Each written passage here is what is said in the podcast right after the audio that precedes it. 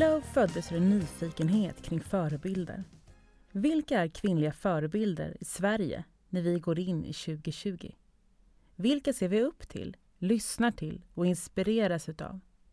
Vi har frågat och vi har fått ett svar. Dessa kvinnor har vi träffat för att ta reda på vilka de är och vad som driver dem. Vi har även intervjuat andra kvinnor som vi tycker att fler borde få upp ögonen för.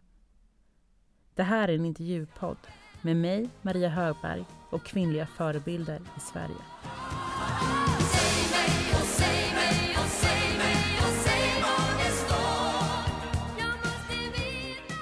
Att tala är silver, att tiga är guld. Ibland är det bättre att tiga än att säga vad man tycker, menar ett gammalt ordspråk. Vad sanningen ligger i det får du själv avgöra. Men många gånger har ordet en otrolig betydelse och genom att kommunicera rätt så skapar du förutsättningar för att lyckas med just det som du vill. För vissa är problemet att man pratar för mycket och för andra att man inte vågar prata alls.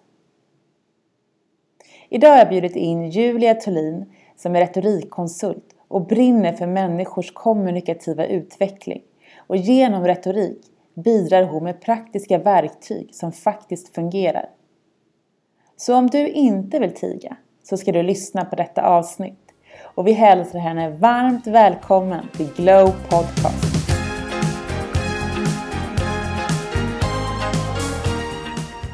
Men hej och varmt välkommen hit Julia! Tack så jättemycket! Hur mår du idag?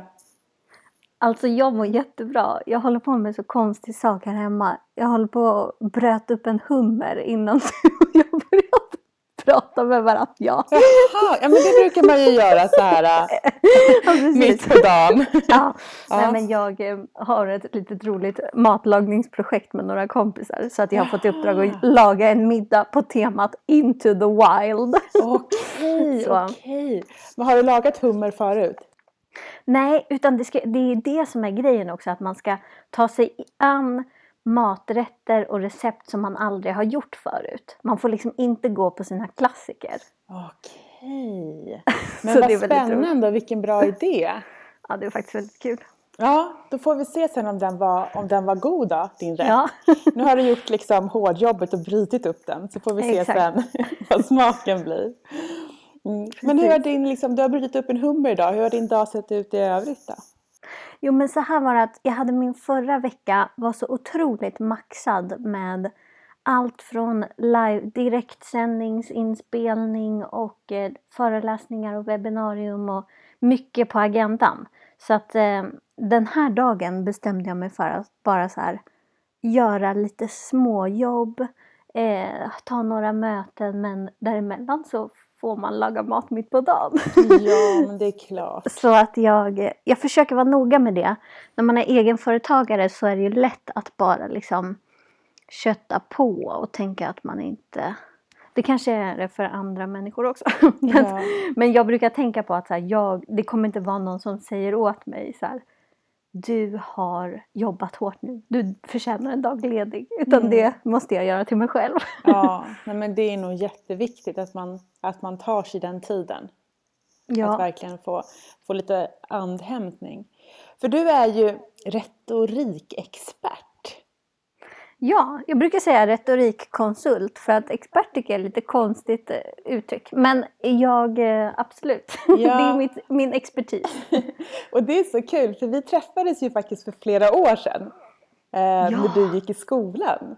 Ja, jag studerade på retorikkonsultprogrammet. Mm. Och då hade vi en mediaträningsövning. Ja som vi körde med dig. Ja men precis. Det är ju, det är ju många år sedan. Nu är, liksom, nu är det jag som intervjuar dig som jag Så säger kul. expert.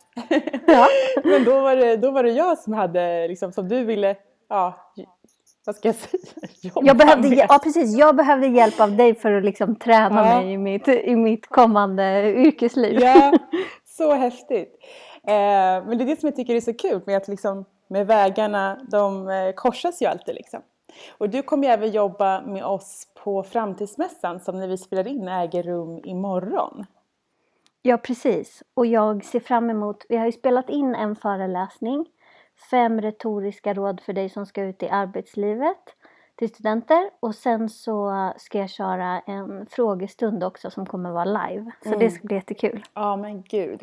Och det här hade varit bra då om det här hade varit inför den. Men det hinner vi ju inte släppa eftersom mässan är imorgon. Såklart. Ja, men vi får njuta av dina tips och råd idag ändå tänker jag. Men innan vi kör igång så, eh, hur kommer det sig att du blev retorikkonsult? Jo, det började så med att mitt allra första jobb efter, direkt efter gymnasium, gymnasiet, det var att eh, jobba som föreläsare åt en organisation som heter Ung Företagsamhet. Jag hade själv drivit ett UF-företag sista året på gymnasiet och blev helt tagen vad häftigt det var att kunna omvandla idéer till verklighet på det där sättet. Så att jag åkte ut eh, till gymnasieskolor och turnerade runt i två års tid och pratade med andra ungdomar om hur man gjorde det här. Och då skulle jag säga att jag fann det här intresset för att och tyckte att det var liksom magiskt hur man ibland kunde gå in i ett rum där det satt omotiverade, trötta elever och eh, ibland kastade snus på varandra. och sen så kunde man gå ut därifrån 45 minuter senare och då satt de och bara Okej, okay, men vad brinner du för? Vad har du för passion för, no för så här? Och börja spåna affärsidéer och hur de skulle förverkliga det och tjäna pengar och sådär. Och då tyckte jag att det var så häftigt verktyg att det var ju bara vi som kom in med ett tydligt budskap och förde fram det till dem på, ett, på rätt sätt. Så hela, från början tror jag inte att jag tänkte på att det var retorik. Men i efterhand, några år senare, så förstod jag att aha, okej, okay, det finns någonting som teoretiskt det här bygger på. Och då började jag också studera retorik. Eh, och när jag studerade på högskolan så eh, startade jag bolag parallellt eh, med mina studier bara för att har man en gång gjort det liksom, så det låg väldigt nära till hands eh, att köra igång. Jag eh, skulle säga att jag började nog studera och tänkte att jag skulle bara läsa en termin och ta en kurs liksom. För att jaha, okej, okay, jag kanske kan delar av det här i praktiken men kul att få lite teori och utvecklas. Och sen så när jag började nörda ner mig i det här ämnet så blir det ju som det blir med nästan alla ämnen att man inser att ju mer man lär sig desto mer förstår man att man inte kan. Och jag förstod också att retorik kan användas till så otroligt mycket mer än vad jag trodde. Jag tänkte ju att det handlade om att liksom föreläsa eller hålla tal eller förbereda ett tal. Men det växte ju till att förstå sig på olika människors perspektiv, hantera konflikter, eh, analysera argumentationer och det blir väldigt tydligt att vart som helst människor kommunicerar, där kan retoriska verktygen hjälpa till för oss att bli, förstå varandra bättre och bli mer effektiva. Så att eh, jag kunde liksom inte sluta då när jag hade börjat. Nej. Men vad är retorik? Ja, vad är retorik? Första dagen på, på vår utbildning så fick vi den frågan och alla hade ett klockrent svar. Alla bara, det här är min syn på det hela. Och sen så tre år senare, då satt alla där. Ja, vad är retorik egentligen? Apropå det här hur, hur, det, hur ämnet växer med att man sätter sig in i det. Men man kan ge lite olika, olika svar beroende på situation. Men jag skulle säga att retorik handlar om att hitta det som fungerar kommunikativt mest effektivt eller mest övertygande i den givna situationen du är i.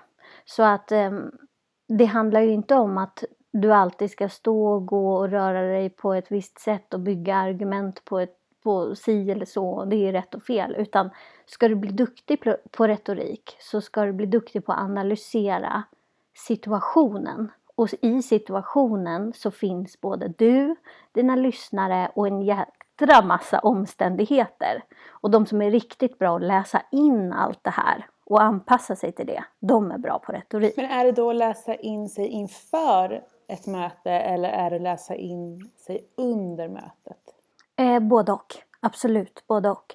Både kunna eh, förbereda sina ingångar och ha koll på vilka jag ska möta och vad de har för förkunskaper men också ha kunna förmågan att följa med i diskussionen, se vilka, eh, vilka vägar en diskussion tar eller vilka värderingar och principer den du talar med lutar sig mot för att föra fram det den vill föra fram. För då kan du på något vis analysera samtidigt som du är i sammanhanget. Och det där är, det låter kanske svårt men om man bara vet att det går och har några sådana verktyg så, så blir man bättre på det snabbt. Mm. Men ska man utgå då från, nu vet jag inte de här grunderna i kritiserade med vilken personlighet man har. Mm. Eh, alltså om man är röd, gul, grön eller blå. Alltså om man är mer analytisk, om man är mer uttrycksfull eller vänskaplig eller pådrivande. Just det. Eh, är det sånt man ska analysera? Alltså vilken person sitter framför mig? Vad kommer bita på den här? Eller hur? Ja, nej men om så här. Om du kan om du kan eh, höra i samtalet att den här personen tar alltid stöd ifrån att eh, till exempel det är viktigt att det här projektet blir klart snabbt.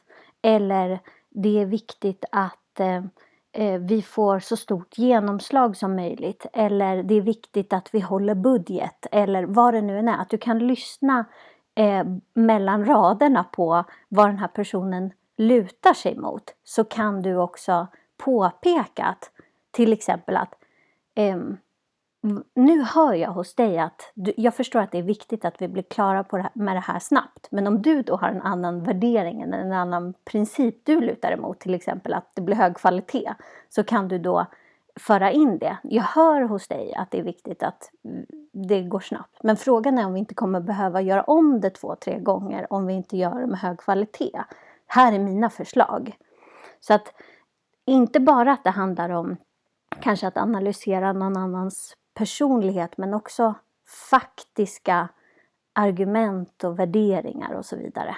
Mm. Men då, för då egentligen går man ju in och speglar den personen och bekräftar det att man har hört det den har sagt innan man lägger fram sitt ja, precis. argument. Eh, I det fallet ja, om jag mm. eh, lyfter fram vad jag tror att jag hörde. Sen kan det ju vara så att någon person argumenterar utifrån ett sådant perspektiv och sen återkommer. Nej men du, när du säger det, det är faktiskt inte alls viktigt att det går snabbt.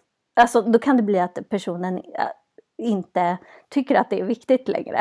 Om du kan lära dig att höra sådana saker. För jag tänker att det här funkar ju också för en viss typ av människor. Men sen finns det ju de som inte vill prata alls. Ja. I jobbsammanhang eller Eh, i privata sammanhang heller. Ja, då kanske klart det finns människor som pratar någonstans, men som tycker att det är jobbigt ja, eh, med sådana här situationer.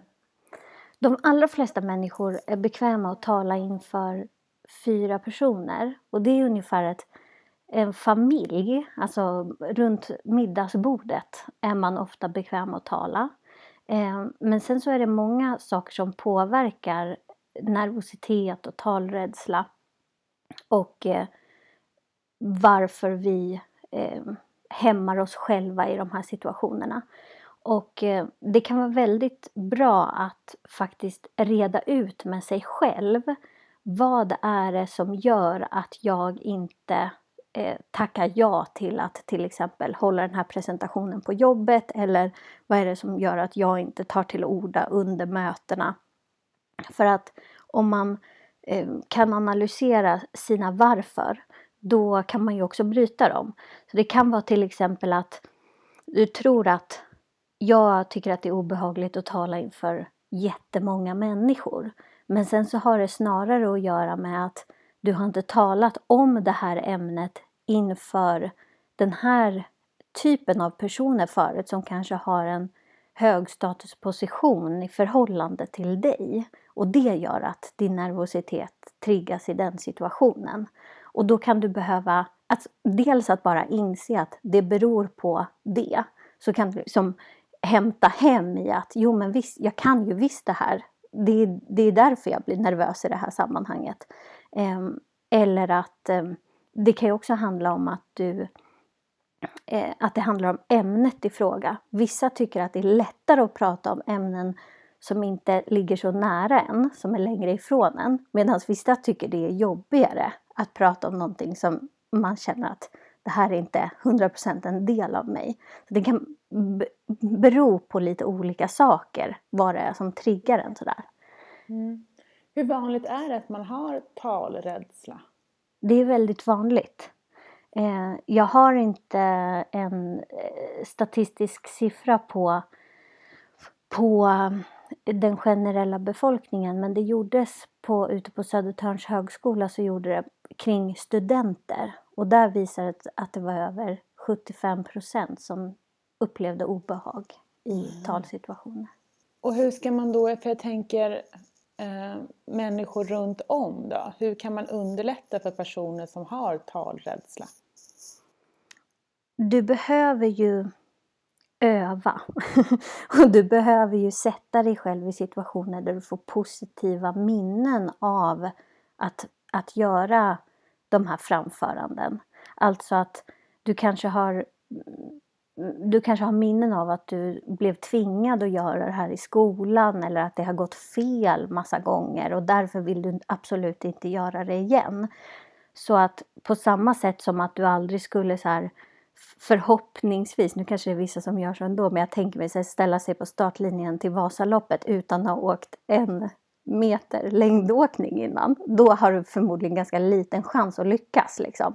Eh, så behöver du ju jobba mycket med förberedelsearbetet och ge det otroligt mycket tid. Och om du vill, om du vill då hjälpa en kollega eller en annan person eh, i din omgivning så var den här eh, personen som kan hjälpa till i processen att eh, till exempel ta fram argument eller ta fram innehållet till en presentation eller ett tal och hjälpa till och, och faktiskt inte bara säga så här, du är duktig, du klarar det, utan så här, okej, okay, men vi testar att köra och feedbacka kring det och eh, laborera med innehållet tills att det känns bra. För att det är inte helt ovanligt att det kommer personer till mig som är helt, eh, helt låsta vid tanken att ah, jag ska ha den här presentationen, det kommer vara jättemånga som tittar. Det känns jättejobbigt, jag har ingen aning om vad jag ska säga liksom. Jag bara, och det förstår jag verkligen. Det är jättejobbigt att ställa sig inför hundra personer och prata om du inte vet vad du ska säga. Så om vi bara stryker det helt och hållet nu, att du ska prata inför hundra personer och börja bara med steg ett. Vad har vi för innehåll? Och bara börja leka med innehållet och testa oss fram. Och sen så när vi har gjort det och strukturerat om och provat igen och testat inför en person, kanske två personer, kanske testat inför den som du tycker är allra läskigast att prata inför och så småningom hitta fram till någonting bra så kommer inte den där situationen inför hundra personer sen kännas lika jobbig. Men man ser liksom sig själv framför alla de här människorna i en i en tid, du kommer ju aldrig stå där oförberedd förhoppningsvis. Utan du måste ta dig tiden och preppa. Mm. Så att man liksom verkligen så går igenom först och identifierar vad är det hos mig som är jobbigt? Eller varför tycker jag den här situationen är jobbig? Och sen gå igenom varför håller jag den här föreläsningen och sen öva på alla de här delarna. Exakt. Och verkligen komma ihåg att be om feedback att under den här processen inte bara sitta själv med sin egen dator till exempel och titta på slides som man kanske har byggt upp.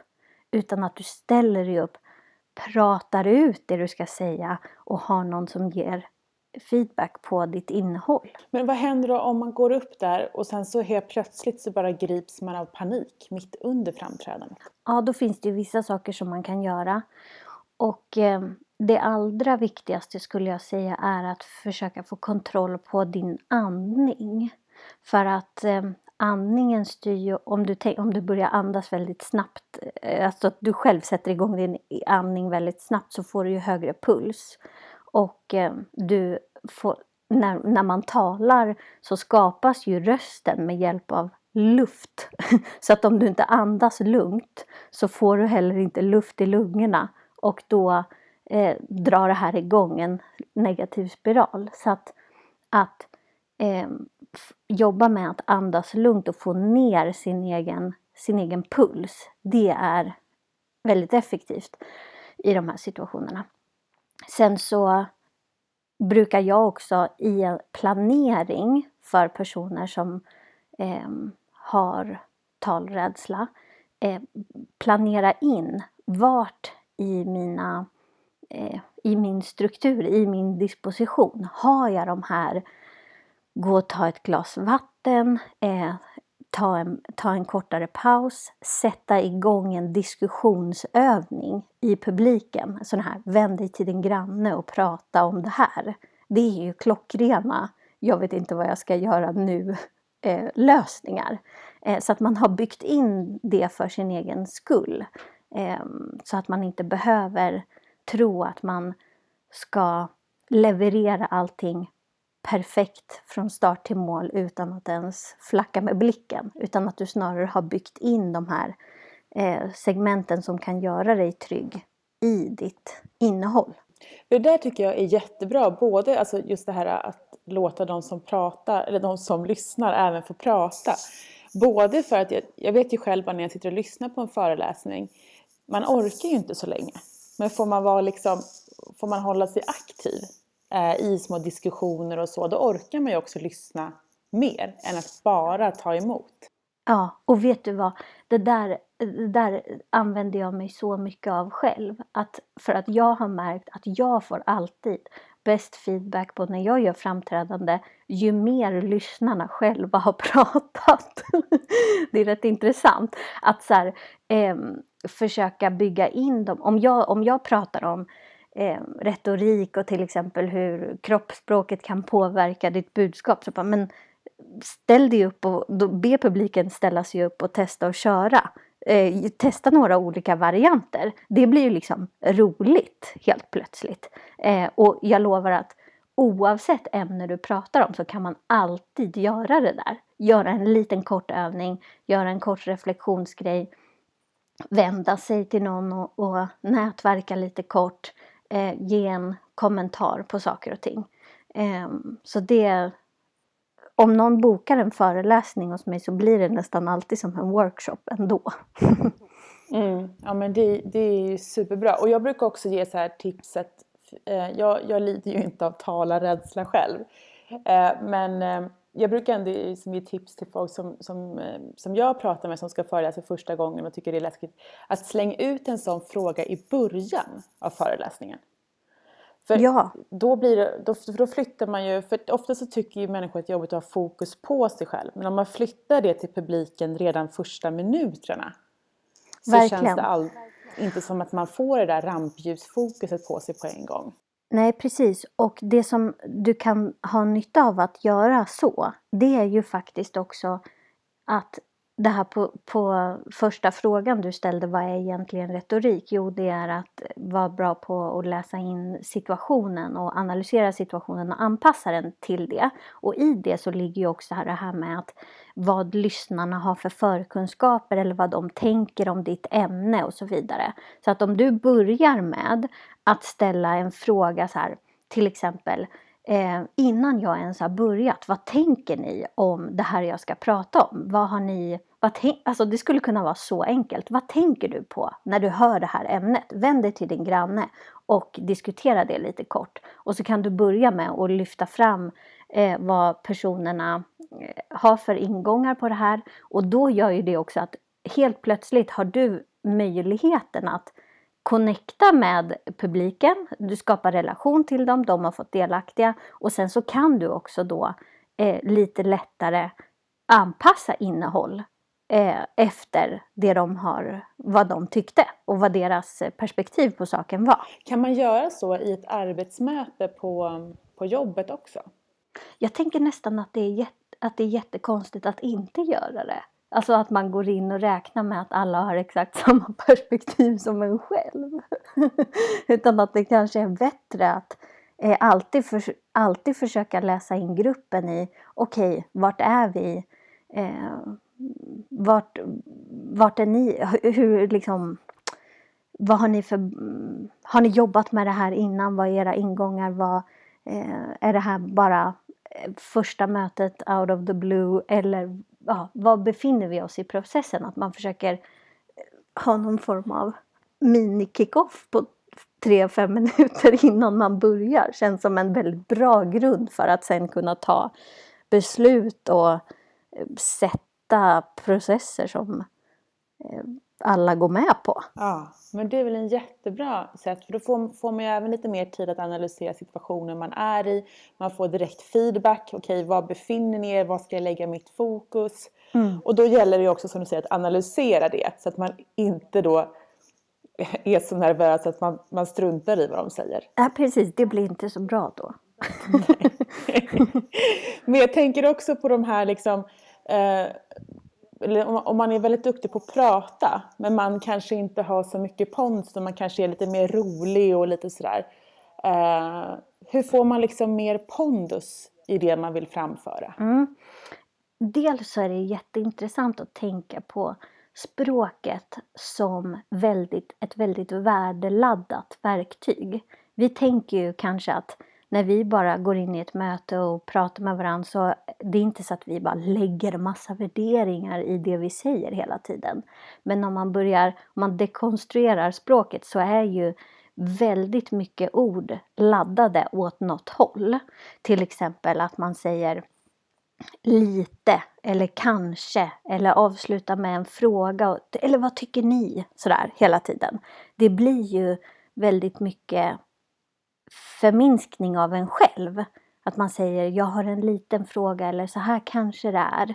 Eh, om du vill få mer auktoritet och pondus bara genom det språkliga så tänk på att uttrycka dig säkert.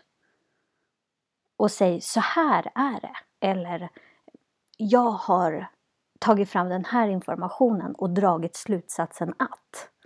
Istället för att det kanske skulle kunna vara så här. när, du faktiskt har, när du faktiskt har kunskapen eller informationen. Så att man är noga med att tänka på vilka, vilka ord lägger man in, vilka formuleringar använder jag mig av som kanske för, eh, förminskar mig själv. Eh, och stryker det helt enkelt. Ta bort det eh, så får du mer pondus. Men, och sen har vi också det här såklart med, med kroppsspråk. Det finns ju eh, forskning av en, en, kvinna som heter Amy Cuddy som är socialpsykolog på Harvard. Hon har ju ett eh, ganska framgångsrikt TED-talk som handlar om eh, power posing. Där man helt enkelt har sett att om du gör dig själv stor och spänner musklerna och tar mycket plats i två minuter innan du ska in i den här jobbiga situationen så frigörs det hormoner i kroppen som gör att du vågar mer men samtidigt blir mindre stressad.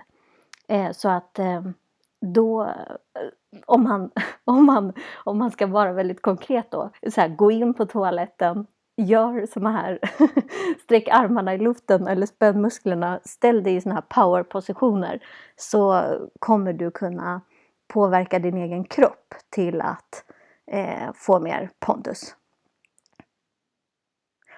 Och sen så då när man är på plats, om man är på plats i mötet, tänk på att inte så här gömma sig själv eller göra sig själv liten eller kanske sätta sig så att inte alla ser utan när du talar, ta den platsen som du faktiskt förtjänar.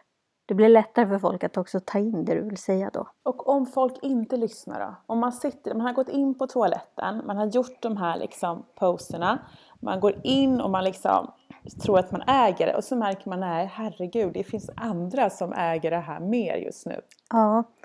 Eh, det är ju väldigt eh, specifikt kopplat till situationen. Eh, och det är det här som är så svårt men ändå så, så, vad ska jag säga, som har med det här finliret att göra. Att du behöver bli bra på att analysera vad som faktiskt händer där och då. Är det så att de kanske inte lyssnar för att du faktiskt kom från ett helt annat perspektiv så de, de förstår inte ditt perspektiv eller de, ni har inte enats om samma grund i varför vi pratar om det här ämnet. Så vi behöver, du behöver bli eh, duktig på att så här, backa bandet och så här okej okay, eh, när jag lägger fram de här argumenten så verkar jag inte få gehör. Vad beror det på? Är det så att det handlar om att jag faktiskt blir så förtryckt i det här sammanhanget eller har det med någonting annat att göra? Att vi inte har, att vi inte har grundat den här diskussionen på rätt sätt. Eh, för att om det är så att det är som många känner igen sig till och har ofta hört om, om härskartekniker till exempel, att man, att man känner sig verkligen förminskad och tilltryckt i sammanhang då kan det ju vara bra att lära sig om hur, hur, man, hanterar, hur man hanterar härskartekniker. Eh, det som är i en sån situation där det känns som att du har talat om ett ämne och eh, du får eh, inte gehör för det så kan det ju vara så att den här situationen är återkommande på kanske jobbet eller i det sammanhanget du är i. Och en, ett väldigt effektivt eh, verktyg det är att ta hjälp av en person som är lyssnad på. Alltså att du vänder dig till en person som redan är inne i cirkeln och helt enkelt ber den personen om hjälp. Alltså att du kan, det kan, det kan ju vara svårt att göra i sittande möte men förmodligen om du upplever den här situationen så kanske den kommer hamna, du kanske kommer hamna i den igen. Um, och jag hade faktiskt en, en kompis som jag pratade om det här med för bara någon månad sedan som jobbar i en bransch som är väldigt mansdominerad och hon kände att jag vet inte om det beror på att jag är kvinna eller inte men eh, de andra som är mer juniora än mig får mer gehör. Vad beror det här på? Alltså jag kommer inte fram. Eh, och då så pratar vi om det att prata med den här mer juniora personen som alltid ringer till dig eh, efter mötena och frågar om hjälp och förstå vad det var som hände men under mötet eh, fick mer gehör. Eh, och prata med den personen om så här, jag märker att det är så här jag förstår att ingen egentligen vill ha en sån här kultur på jobbet. Skulle du kunna eh, helt enkelt eh, hjälpa mig och få fram, kanske påa mig in i ett möte, eh, lämna över ordet till mig, eh, ja, men hjälpa mig in i sammanhanget för att alltså, ta hjälp av den, den personen som är närmast en helt enkelt. Och var, då får man ju vara som öppen och göra sig själv eh, sårbar inför den personen men du har otroligt mycket att vinna på det. Eh, för det som, det som händer är ju att eh, du som sitter där på jättemycket kunskap, information, kompetens, du kommer ju inte till din rätt. Och du är inte anställd där för att inte komma till din rätt. Så att det är jätteviktigt, även ifall det här är absolut ett kultur kulturproblem på jobbet och att din chef kanske borde ha sett det här redan. Så eh, jobba med att och spricka hål på de här bubblorna gör att det blir bättre för alla. Precis, för där kommer du in också i en väldigt så här, viktig punkt och det är det här med sårbarhet. Ja. Att våga visa, alltså våga säga att man liksom upplever situationen fel eller våga visa sig sårbar. Mm. Det har ju vi också väldigt svårt för. Ja, precis. Eller många. Jag tror att man kan vinna där på att välja när man talar. Eller alltså välja när man tar diskussionen. Att inte göra den till, att inte ta det kanske i affekt eller när man känner att det liksom bubblar över och man faktiskt, faktiskt är ledsen. Utan att om du kan ha, inte för att det på något vis skulle vara fel att vara ledsen på jobbet, det är inte så jag menar, men om man i den här situationen inte vill det. Eh, så det, många kan känna igen sig i att jag får inte riktigt fram det jag vill säga när jag är ledsen eller arg. Men om man istället kan välja en situation där man faktiskt har eh, förberett Eh, sina argument och kun, kan föra fram dem på ett mer neutralt sätt. Då, eh, ja, då, då behöver man behöver inte kännas lika mycket som att man ja, men, öppnar upp sitt hjärta och är redo att få en kniv i det. Liksom. Det är ju kanske inte som man vill ha en, en dag på jobbet. Man ska, det är väl jättebra att bjuda in eh, någon allierad i mötet som kan hjälpa en att få utrymme när man själv inte får det ja. naturligt. Men kan man också se, för vi var inne och pratade lite om din kompis som jobbar i en mansdominerad eh, värld och sådär. Är det skillnad på kvinnor och mäns samtalsstilar? Ja, alltså det som man ska ha med sig när man talar om det här det är att eh, vi har ju en förmåga att alltid eh, hitta stereotyper och att vi eh, tror att så här, det här kanske, det här, det, så här talar kvinnor eller så här talar män eller det där var ett kvinnligt sätt att uttrycka sig på. Eh, och där tror jag att det är viktigt att vi är väldigt eh, att vi analyserar oss själva så här, vad har, vad har jag för förutfattade meningar om hur jag tror att det är och vilka slutsatser drar jag som kanske inte handlar om kvinnor och män utan eh, som faktiskt bara handlade om den här personen eller inte.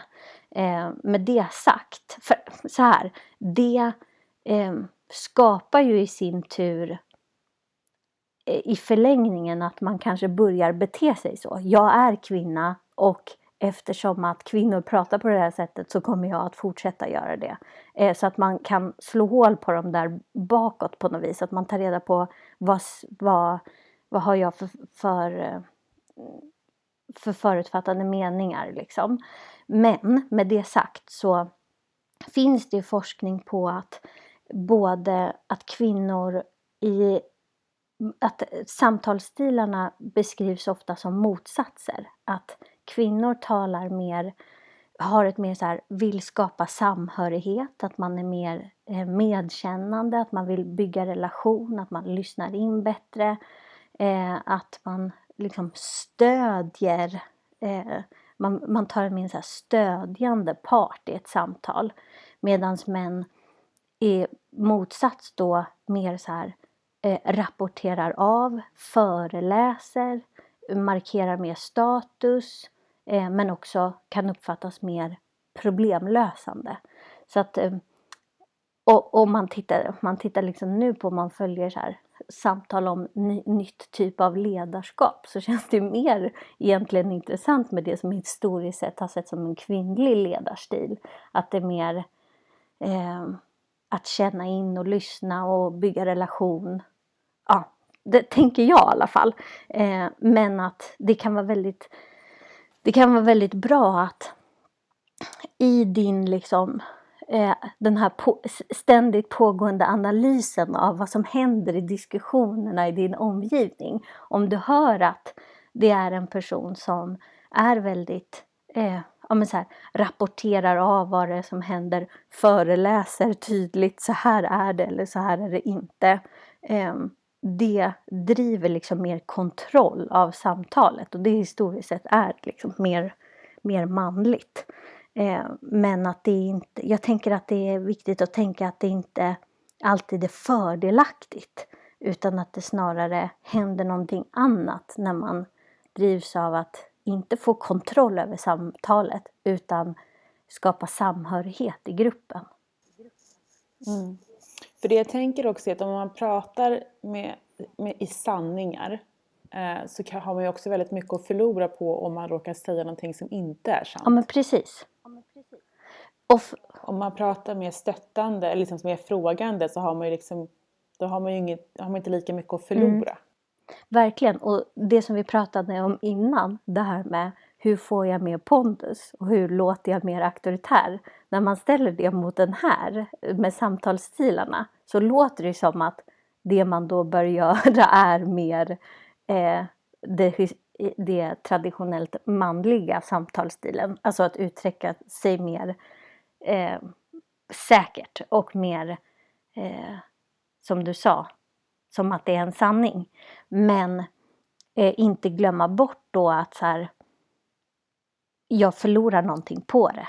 Precis som du säger. För det är också en sak som jag tänker på som jag vet att jag har pratat mycket med kollegor och sånt om. Det är att just det här att ta emot kritik.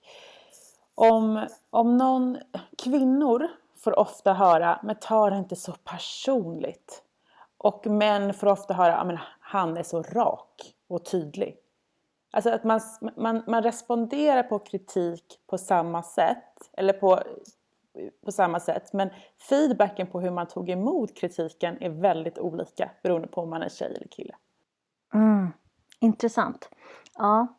Ehm, vad tänker Var, du? Ja. Nej men det jag tänker så här, att varför, varför får tjejer höra så här, ta det inte så personligt?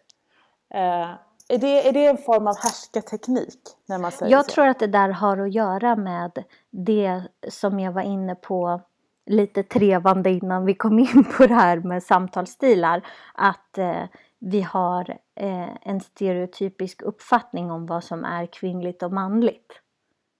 Och att det egentligen inte är, i de där fallen så är det ingen skillnad utan det är bara vår uppfattning om att så här, eh, det är så vi, vi har lärt oss att kvinnor och män pratar på olika sätt. Mm. Och det, Eller tar, ja, och jag tänker att det är också tar till sig. någonting som vi måste lära om. För det, Ja. det föds ju nya människor varje dag vi kan ju verkligen förändra sättet att ta Ja. plats och sättet att uttrycka oss och sättet vad vi identifierar med kvinnligt och manligt eller bara mänskligt. Verkligen. Och det där ska man verkligen komma ihåg att så här, kultur inte sitter i väggarna utan det sitter i människorna. Och att om du är en del av en grupp som talar med, med, med resten av gruppen så kan du påverka hur vi talar med varandra där. Att liksom börja uttrycka sig eh, på ett annorlunda sätt kommer att påverka gruppen. För det är människorna i gruppen som påverkar varandra. Det är så. Och sen tänker jag tänker så att om man har haft rädsla för att prata så kan ju den rädslan också försvinna. Ja, gud ja. Och den gör ju inte det om man inte börjar öva och försöka och ta chanserna som kommer. Jag var eh, moderator på en eh, tävling eh, för några veckor sedan som handlade om att bli Sveriges bästa visual merchandiser. Alltså sådana som sätter upp eh, skyltfönster och planerar eh, budskapen i, i, eh, i butiker. Och då var det en ung tjej där som var med och tävlade och jag ville göra en liksom lite sådär reporterintervju under processens gång när de höll på att sätta upp sina skyltfönster. Eh, och hon var så här, nej, nej, nej, nej, prata inte med mig, jag vill inte vara med, hur, det kommer bli pinsamt, det kommer vara jobbigt och så vidare. Så att jag fick ha först ett ganska långt samtal med henne om att så här, eh, okej, hur, hur, hur, vart vill du stå i förhållande till mig? Eh, vilka ingångar kan jag ta så att det blir bra för dig? Vi ska inte, jag kommer inte vilja sätta dit dig på något sätt utan jag vill bara lyfta fram det du gör. Vi kan bara titta på ditt skyltfönster och du kan peka på vad, det är som, vad du har gjort. Liksom. Och försöka grunda henne i den här situationen. Hon tackade till slut ja, gjorde det här och sen så dag två så vinner hon hela den här tävlingen och får gå upp liksom på in, det var ju livesänt då eftersom det inte går att göra fysiska event nu så hon, hon får gå in i studion och bli intervjuad igen då med så här bucklan i handen och jag bara kände så här gud vilken tur att hon faktiskt vågade göra den här reportergrejen först för då hade hon ju fått ett steg på vägen till att göra den här vinnarintervjun. Och att det bara känns så tråkigt att duktiga personer inte tar den platsen de förtjänar. Så att ja, börja tacka ja och börja förbereda dig om du är en sån person som inte tycker, som tycker det känns jobbigt. Ja, och sen så finns det ju faktiskt konsulter som dig Julia som man kan ta kontakt med om man tycker någonting är jobbigt. Ja, och sen vill jag också skicka med, mycket är ju inte rocket science. Mycket, man vet ju att man ska förbereda sig men ändå så bygger man upp en stor, jättestort hinder i huvudet. Det går att få, jag hjälper jättegärna till men fråga folk runt omkring också om feedback så kommer du väldigt långt. Du måste ju ha tid att knäcka en hummer ibland också. ja, precis. ja, men tiden bara rullar iväg. Men om du bara skulle då avslutningsvis ge oss tre tips på hur vi blir en bättre retoriker. Vad skulle det vara då? Då skulle jag säga förbered dig väl. Ge, ta plats till att verkligen brainstorma fram. Vad, vad är det jag har för roligt material att jobba med? Att verkligen låta det ta plats. Brainstormingen innan. Nummer två, när du vill förmedla någonting, välj ett tydligt budskap. Alltså, alltså formulera det i en mening eller bara i några ord. Sätt ihop det till ett tydligt budskap som man kan minnas och som man kan ta med sig. Och sen så det tredje, kom ihåg att om du vill utvecklas så måste du be om feedback och du måste göra om och testa igen. Så hitta de här personerna i din omgivning som du kan eh, framföra ditt tal eller din presentation eller dina argument för och få feedback på. Så kommer det hända mycket.